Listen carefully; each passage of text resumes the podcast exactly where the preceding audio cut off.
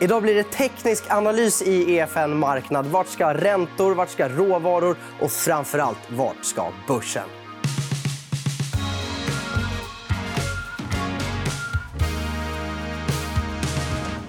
Och som vanligt när det vankas teknisk analys då har jag med mig Nils Brobacke. Välkommen.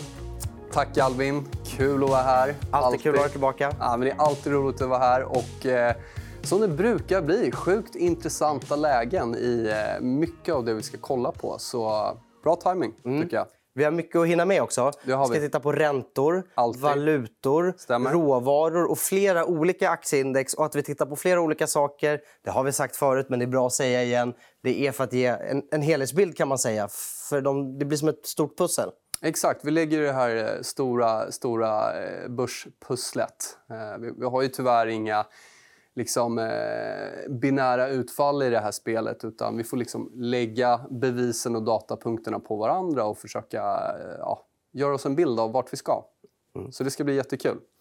Eh, och så kan man också nämna att eh, det vi pratade om sist, egentligen både i november förra året men även i början av förra året, har ju spelat ut otroligt väl. Vi har en amerikansk tioåring på 3% vi har en olja på 120 US-dollar, vi har en tysk tioåring över 1 och så vidare. och Så vidare. Så vi har verkligen fått det här råvaruracet och stigande räntor. Eh, kanske mer än många trodde, men där var vi faktiskt spot on när vi stod här sist och pratade i november. Mm. Roligt. Och för er som ser ett eh, tekniskt analysavsnitt för första gången... det är alltså att man tittar på kursrörelser för att försöka förstå psykologin bakom dem. För Ofta så säger de nåt om det mänskliga beteendet. kan man väl säga. Ja, men exakt. Jag menar ju på att eh, pris återspeglar ju all information.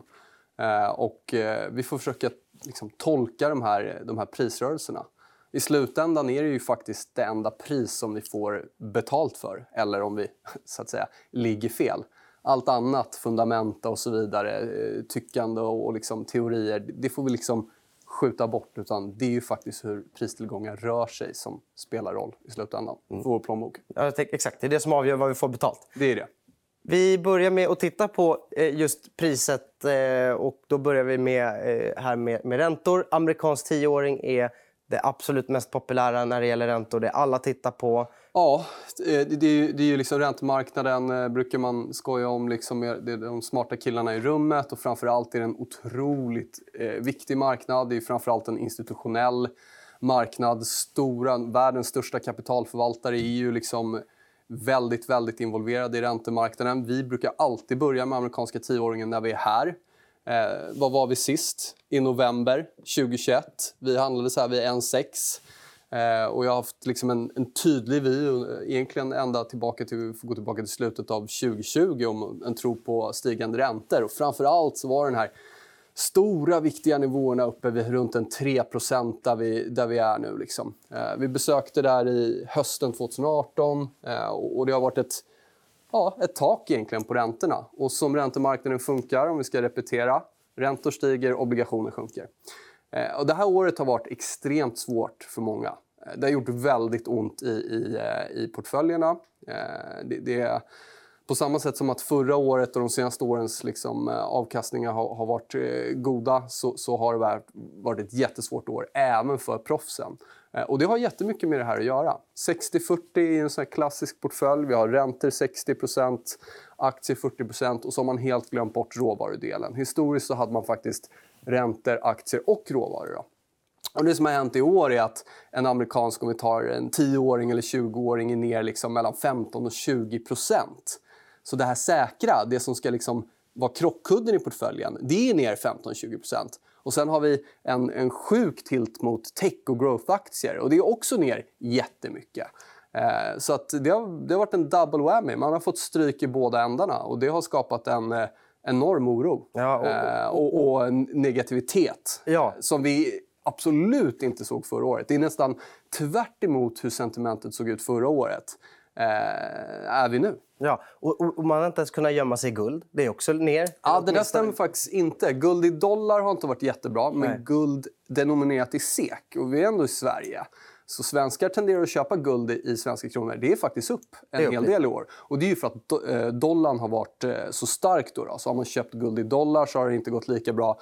Men svenska kronan har ju tappat. Så det innebär att det som faktiskt har funkat i år det är eh, guld i SEK, eh, lång dollar och energi. Ja, det är i princip it. de enda eh, hedgarna som har funkat. Och sen om man har blankat aktier, ja. men det gör ju de flesta inte. Och det är inte ens gott att försöka gömma sig med pengar i madrassen för de har käkats upp av inflationen. Du tappat 6-8 procent. Ja, jag tror ändå att de som har hållit en stor kassa och, och jag själv i min förvaltning har jobbat med mycket kassa in och ut och varit aktiv snarare än det här liksom time in the market är ju superpopulärt när allt går upp. Eh, I år inte så roligt att, att vara fullallokerad sen början av året. Så att, Visst, man kan säga att inflationen, att det, är jobbigt att ligga helt i cash, men det är ändå eh, betyd, har varit betydligt bättre att ha en, en, en stor kassa eh, och kunna vara aktiv än att varit fullinvesterad sen början av året i det som har funkat historiskt. Då.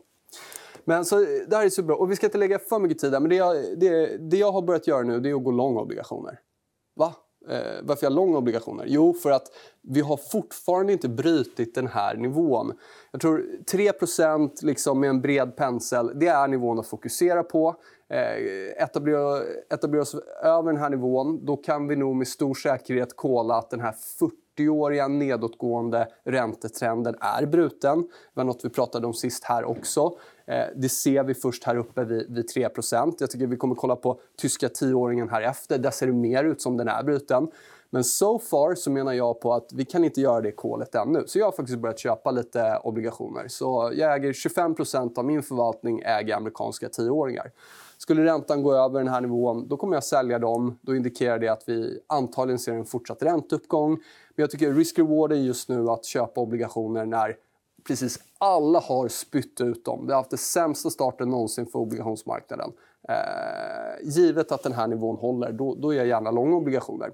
Eh, men, men, det är ett kortsiktigt, eller så säga, det är ett spekulativt bett. Så att, du vet ju, känner ju mig, jag gillar ju vända kappan. Skulle vi bryta över här, då, då får jag sälja mina tioåringar. Mm.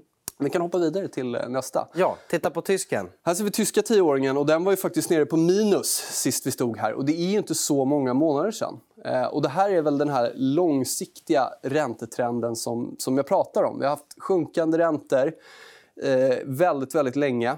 Eh, och kapitalförvaltare världen över har vaggats in i en säkerhet att det är så det ska se ut och man har utformat sina portföljer och sin förvaltning efter det. Eh, och nu är vi uppe över eh, 1 Jag tror jag hade 1 som target. Jag har varit kort tyska tioåringen, det vill säga tjänat på att räntor stiger, obligationen faller i värde.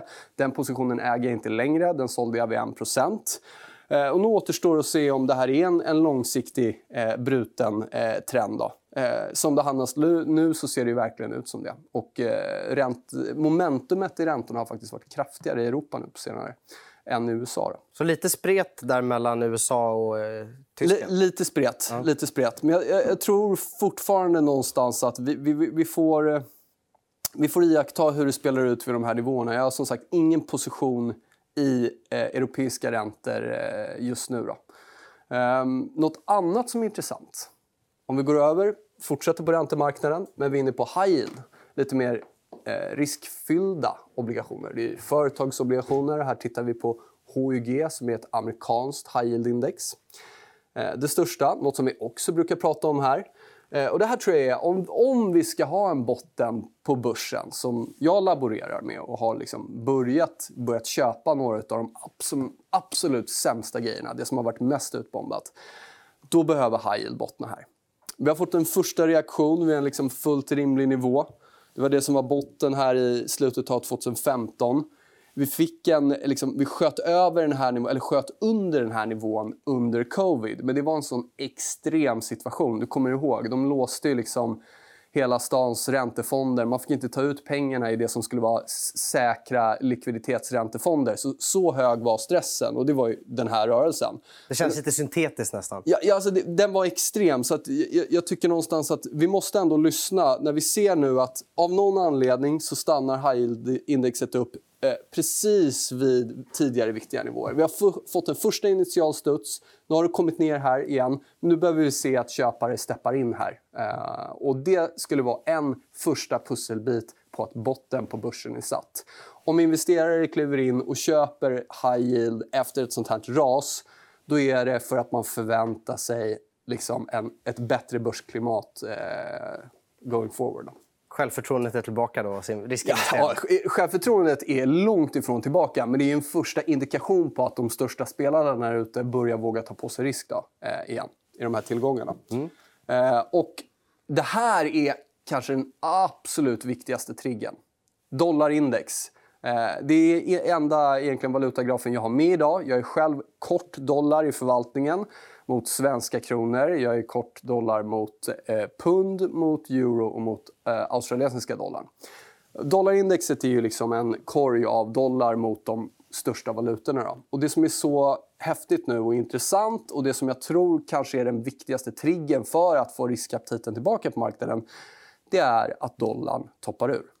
För hög dollar, hög rädsla, brukar man säga. Ja, dollar är definitivt en safe haven. Och jag tror sist du och jag stod här, då var vi någonstans här eh, och tittade eh, och sa liksom att eh, det, det vore klart bra för, för riskklimatet att dollarn börjar vika ner här. Och det gjorde det ju verkligen inte. Den tog en paus, men den drog hela vägen upp till det här tidigare motståndet. Vi får alltså gå tillbaka hela vägen till 2016. Rätt intressant. Vad hände sist dollarn toppade ur här? Efter det, ett år senare, dollar ner. Amerikanska S&P 500 upp 25% på ett år. Nummer två. Dollarn toppade ur mm. 20, eh, 2020, 2020, covid, mars. Vad hände sen? Okej, det blev en extrem rörelse, men S&P var faktiskt upp över 100 ett år efter att dollarn hade toppat ur. Vi vet ju fortfarande inte att, det här, eh, liksom, att toppen är inne. Vi har fått en första reaktion ner. Det är positivt. Nu vill vi se att det här fortsätter ner. Eh, och I sådant fall så tror jag att det är extremt bullish för risktillgångar överlag. Eh, både value och growth. Eh, skulle dollartrenden fortsätta uppåt nu då tror jag att vi går in i ett, ett riktigt mörkt scenario. Det har redan varit mörkt för liksom, tech och growth och nu på slutet också en, en hel del value. Men får vi en fortsatt stark dollar, det, det, det, ser inte alls bra ut. Men det är inte bettet jag gör just nu, utan liksom eh, innocent until proven guilty. Vi har ju faktiskt inte brutit över den här nivån, eller hur? Vi har fått en första reaktion och vi har också sett att några av de absolut riskigaste kontrakten har faktiskt stigit väldigt mycket sen dollarn har börjat komma ner. Så dollarn blir superviktig. Eh, en av de viktigaste pusselbitarna i det här börsspelet. Mm. Och Det är någonting som faktiskt folk ganska lätt kan följa hemma. Absolut. Följa att dollarn fortsätter försvagas. Det är bra för risktillgången. Definitivt. Här har vi den stora vinnaren, Albin. Det var bästa sektorn förra året, råvaror och specifikt energi, men det är så stor del av ett råvaruindex. Och det är även den bästa sektorn i år. Eh, vilka otroliga uppgångar vi har sett. Eh, som vi stod och pratade om här sist, råvaror, hatat, underägt. finns knappt några råvarufonder kvar. finns knappt några råvarufonder kvar. Tar du ett brett index så får du i princip inga råvaror, ingen energi, ingen materials. Du får det definitivt inte i Nasdaq, du får någon procent i S&P några och till och med i Dow Jones så får du inte en stor del. Då. Eh, och det här har varit en otrolig vinnare. Eh, det, det, det, är bara att konstatera. Räntor har stigit och råvaror har funkat otroligt bra. Och det som kanske har förvånat mig det är styrkan i energin trots dollarstyrkan. För liksom, om man tittar på historiska korrelationer så ska egentligen råvaror gå bättre när dollarn är svag. Men trots att dollarn har varit stark så har energi varit stark. Och det har verkligen varit liksom en, eh, det är ju något att lägga, eh, lägga, verkligen lägga märke till om någonting avviker från hur det brukar se ut. Då. Eh, det som är så att säga, mer risky för konjunkturen det är att vi har inte sett nu basmetaller bekräftar den här rörelsen. Då. Så energi har fortsatt att vara starkt och det här indexet ser ut så här för att det är mestadels energi. Vi har inte sett basmetallerna eh, fortsätta funka här på slutet. Då. Eh, så där har vi snarare någon typ av sidled, kanske börjar vika ner. Eh, skulle nu dollarn börja tappa, då, då, tror jag att vi kan se att även de andra råvarorna tar fart. Eh, men eh, om det här fortsätter att vara enbart en energitrade och det jag skulle bli riktigt oroad för det är om de även börjar ta ut den enda sektorn som går bra. Väldigt likt då i så fall hur det såg ut 2008. Jag vill inte måla upp några liksom, katastrofscenarion men så det såg ut 2008 var att energi funkade i slutet medan allt annat åkte på stryk. Och det sista man tog ut var energisektorn och då fick vi en ja, utdragen bear market. Så det, det, skulle jag verkligen... Skulle de även hårt sälja av energi då skulle jag bli eh, väldigt oroad faktiskt. Just nu så är jag faktiskt, har jag faktiskt inte kvar varken brun energi eller eh, några andra råvaror. Eh, jo, jag äger i och för sig Materials, eh, den aktiesektorn. och Där har du ju bolag som, som har råvaruexponering, men inga, inga enskilda råvaror. Och det har att göra med att jag tycker att det här har gått så extremt eh, hårt. Mm. Och jag tror att även om den här trenden ska fortsätta så tror jag att vi borde i alla fall pausa vid de här nivåerna. Givet att nu också räntan har toppat ur, för det är ju ett av betsen jag har. Skulle räntorna fortsätta upp då kommer vi antagligen se en fortsatt stark energitrade. Och det som har blivit så intressant nu är att folk tror ju kanske att jag har, liksom, jag har skrikit om brun energi här hela förra året. Och, och det var ju så här, i, början så, I början så skrattade de och, och i höstas så, så, tyckte de att men det där kan man väl inte göra. Liksom. Det, mitt resonemang jag förde då det var att mitt enda ansvar jag har det är ju för mina investerare att leverera en positiv avkastning. Och är det brun energi som går, då måste vi äga det. Det som är häftigt nu det är att faktiskt den gröna energin har sedan i maj börjat outperforma den bruna energin. Så därför äger jag nu solenergi.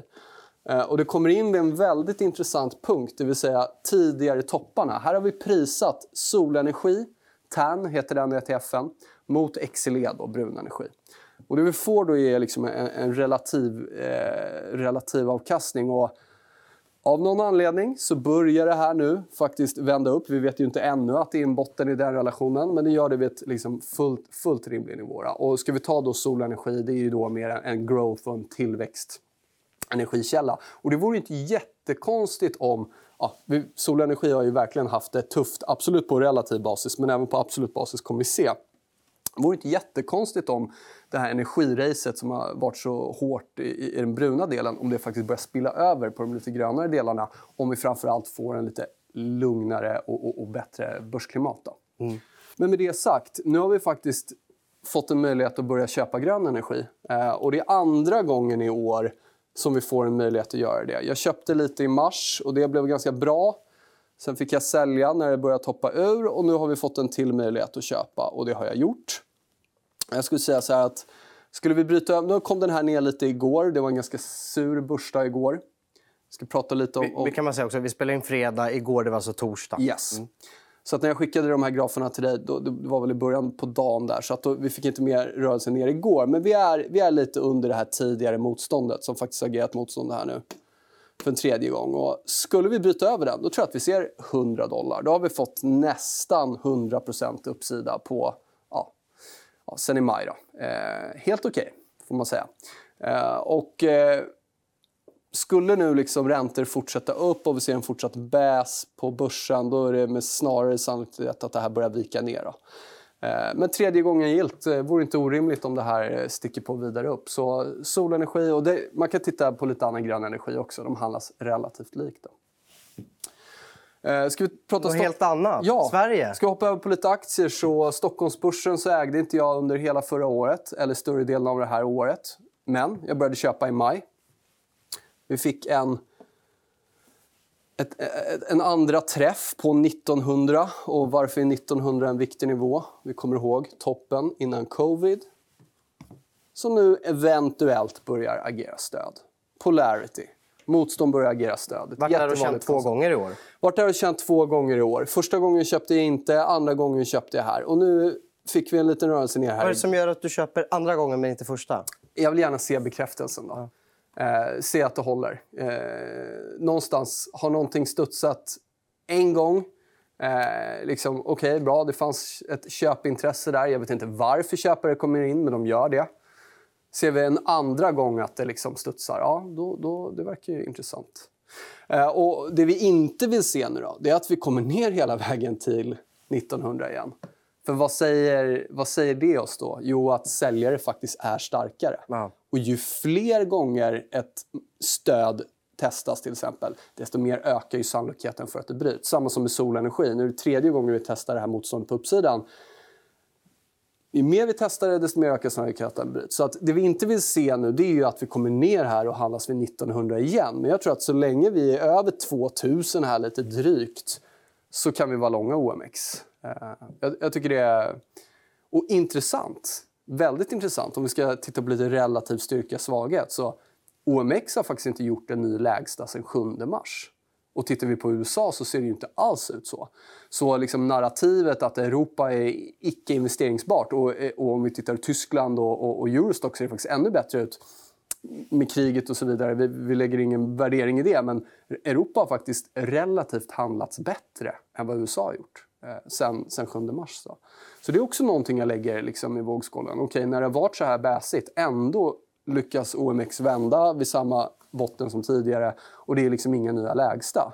Eh, relativ styrka, det, det, det, är något att ta fasta på. Så jag tror att det är över 2000 och framförallt är det 1900 den stora. Men vid över 2000 så förväntar jag mig att OMX stiger. Och sen hur långt det stiger, ja det återstår att se. Skulle vi ta tillbaka 2200 lite drygt som var det här stora stödet som vi jobbade med egentligen nästan hela 2021 och vi faktiskt bröt ner i början av 2022 ja, men det skulle vara ett styrketecken. Då tror jag att vi ser nya högsta på OMX. Och det kan jag säga att det är inte många som vill, vill göra det kolet just nu. Och... Nej, det är inte jättemånga som tippar nej, det nej. där vi står idag. Europa, Eurostox. Det var det här jag tycker var intressant. Det här var ju liksom... Det här är månadsstaplar, så det är en väldigt långsiktig graf. Jag vet att du och jag har pratat om den här, den här, det här liksom taket innan. Folk gillade att prata om aktiebubbla, men Europa har ju verkligen inte varit i någon aktiebubbla. Jag menar, vi är ju ungefär där vi var 2008. Det har inte hänt mycket alls. Liksom. Det har varit riktigt dåligt, skulle jag säga. Men vi har fått några rejäla spikar under den nivån här nu. och Det var det i mars och nu i maj. Men det är faktiskt då, om vi lyckas försvara den här nivån tredje månaden i rad då, som lyckas stänga över det här då, taket. Och Det skulle jag tolka som styrka. Absolut. Så att, eh, här finns det en relativ styrka även bredare i Europa. Då. Och det kanske inte är så jättekonstigt om vi tänker Europa pratade vi om sist också. Mer value, eller hur? Inte lika mycket tech. Mycket bank gynnas av stigande mycket räntor. bank, råvaror och så vidare. Nu har banken haft det har varit en av de sektorerna som, de, som förvånar mig att de tog ut så tidigt. Så det har varit tuffare, men ändå bättre än, än techdelen. Då. Eh, och det måste jag säga också, ta som exempel, om vi tar, nu har vi inte med det, men UK, alltså England.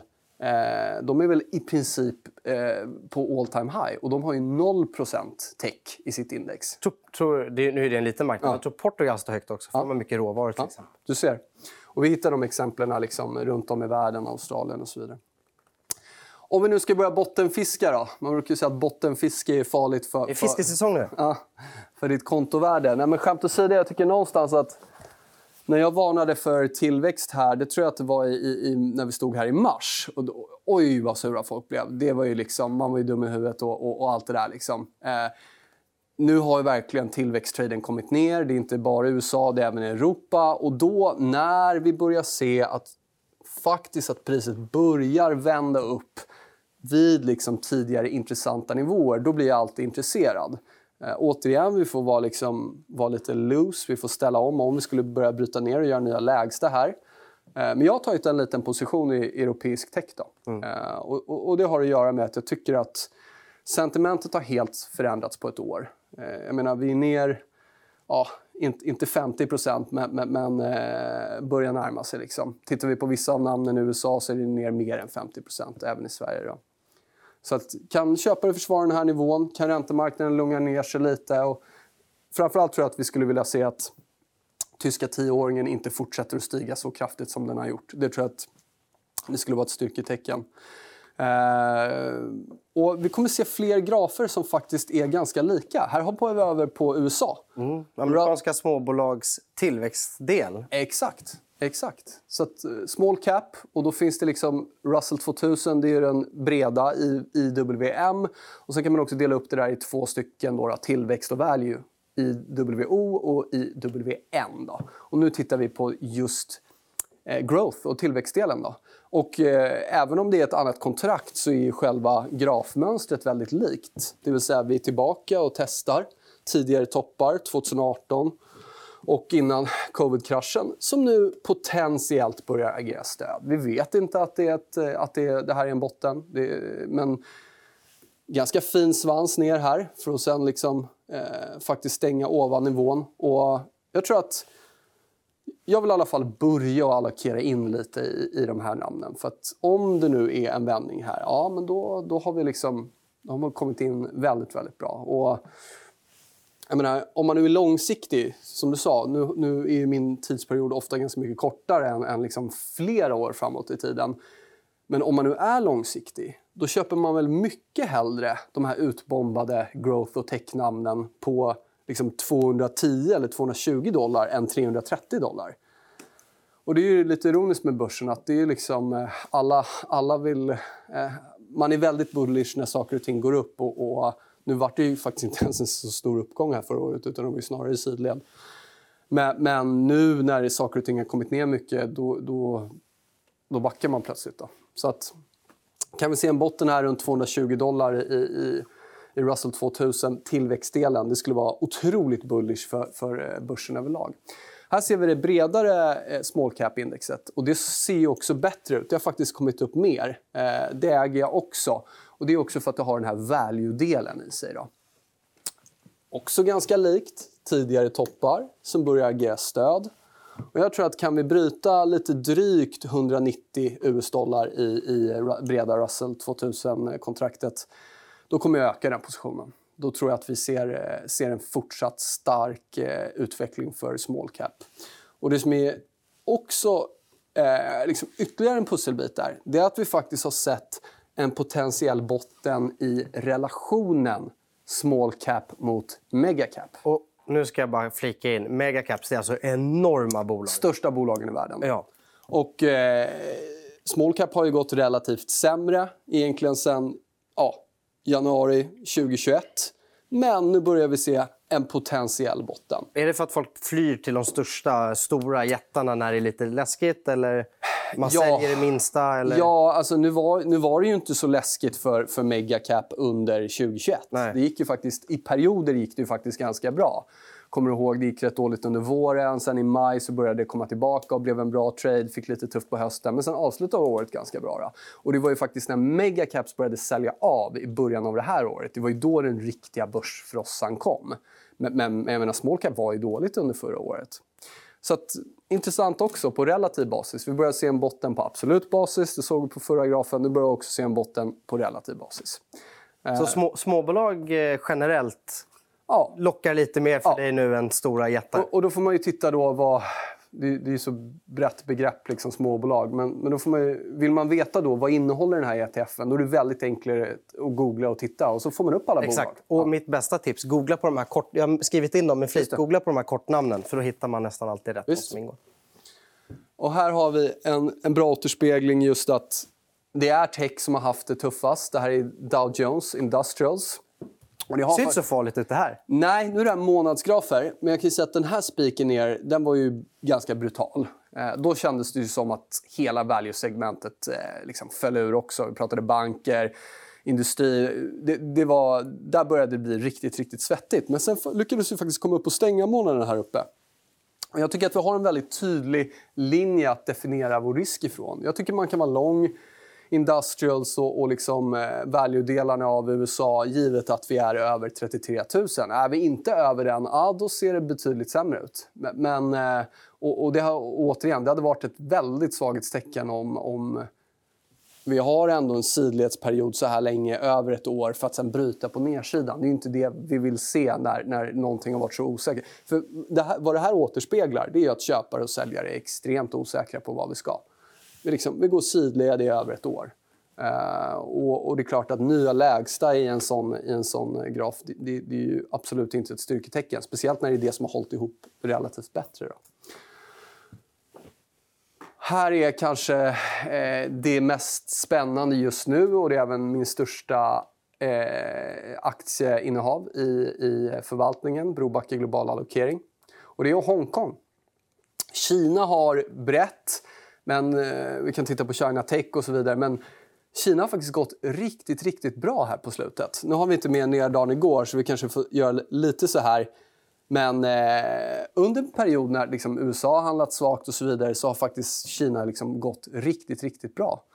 Eh, och det tycker jag är intressant, för Kina var ju, om vi kommer ihåg, hela förra året riktigt, riktigt dåligt. Mm. Så det är alltså, nu, nu, tar nu lägger vi alltså de här grejerna som har funkat liksom väldigt dåligt. Om de börjar faktiskt komma in en botten, det, det är någonting vi verkligen måste ta, ta fakta på. Eh, det innebär att det finns stora investerare där ute som köper, trots den här rädslan, trots den här bäsen, de köper Kina. Och eh, bortsett från igår alltså, har Hongkong i princip varit upp varenda dag här i, i ett par veckor. Så att... Eh, jag, jag, jag, tycker, eh, och man kan bryta ner lite olika sektorer och så vidare, men jag tycker Kina ser, ser starkt ut. Att det klarar av att hålla ihop så här väl och faktiskt stiga under en period när eh, USA går dåligt. Om nu USA vänder upp, hur starkt kommer Kina gå då? Det sipprar fram lite positiva tongångar där också. Jag läste att min, kinesiska myndigheter nu öppnar upp för att godkänna Jack Mas eh, Ant Group till mm. exempel. Så det börjar osa lite morgonluft där. För det har ju varit väldigt mycket oro kring just myndighetsdelen och, och liksom den risken. Och ja, det var, börjar... det var, ja, absolut, det har varit jättemycket rubriker. Nu, och du känner ju mig, jag, jag, jag lägger ingen vikt vid det. Nej. Liksom. Jag, jag, tycker att då, den här informationen bör återspeglas i priset. Så att, eh, jag, tyckte att jag noterade väldigt mycket negativa rubriker och artiklar kring Kina tidigare i år, liksom, självklart under förra året. Eh, men som du säger, det, det är väl jättebra om det börjar komma lite, lite positiva nyheter också. Men framför allt, det viktigaste, det stiger när andra saker går ner. Eh, och det ska vi ta fakta på. Men det känns som att mycket av det som har gått sämst är det som stiger nu. Ja, jag ska inte säga att allt. Nej, men eh, mycket. Ja, mycket. Och, och, och framför allt, det som har lett på nedsidan kan det börja leda på uppsidan? Det är ju också verkligen ett styrketecken överlag om riskaptiten kan komma tillbaka. Då. Tack så mycket för att du kom hit Nils Brobacke. Tack. Det var allt vi hade att bjuda på i dagens avsnitt av EFN Marknad. Om du har tittat via Youtube, tryck gärna på tumme upp. Lämna en kommentar om vad du vill se nästa säsong. För nu är det faktiskt inte jättemånga avsnitt kvar. Och allra helst tryck på prenumerera-knappen så hoppas jag att vi ses snart igen. Hej då!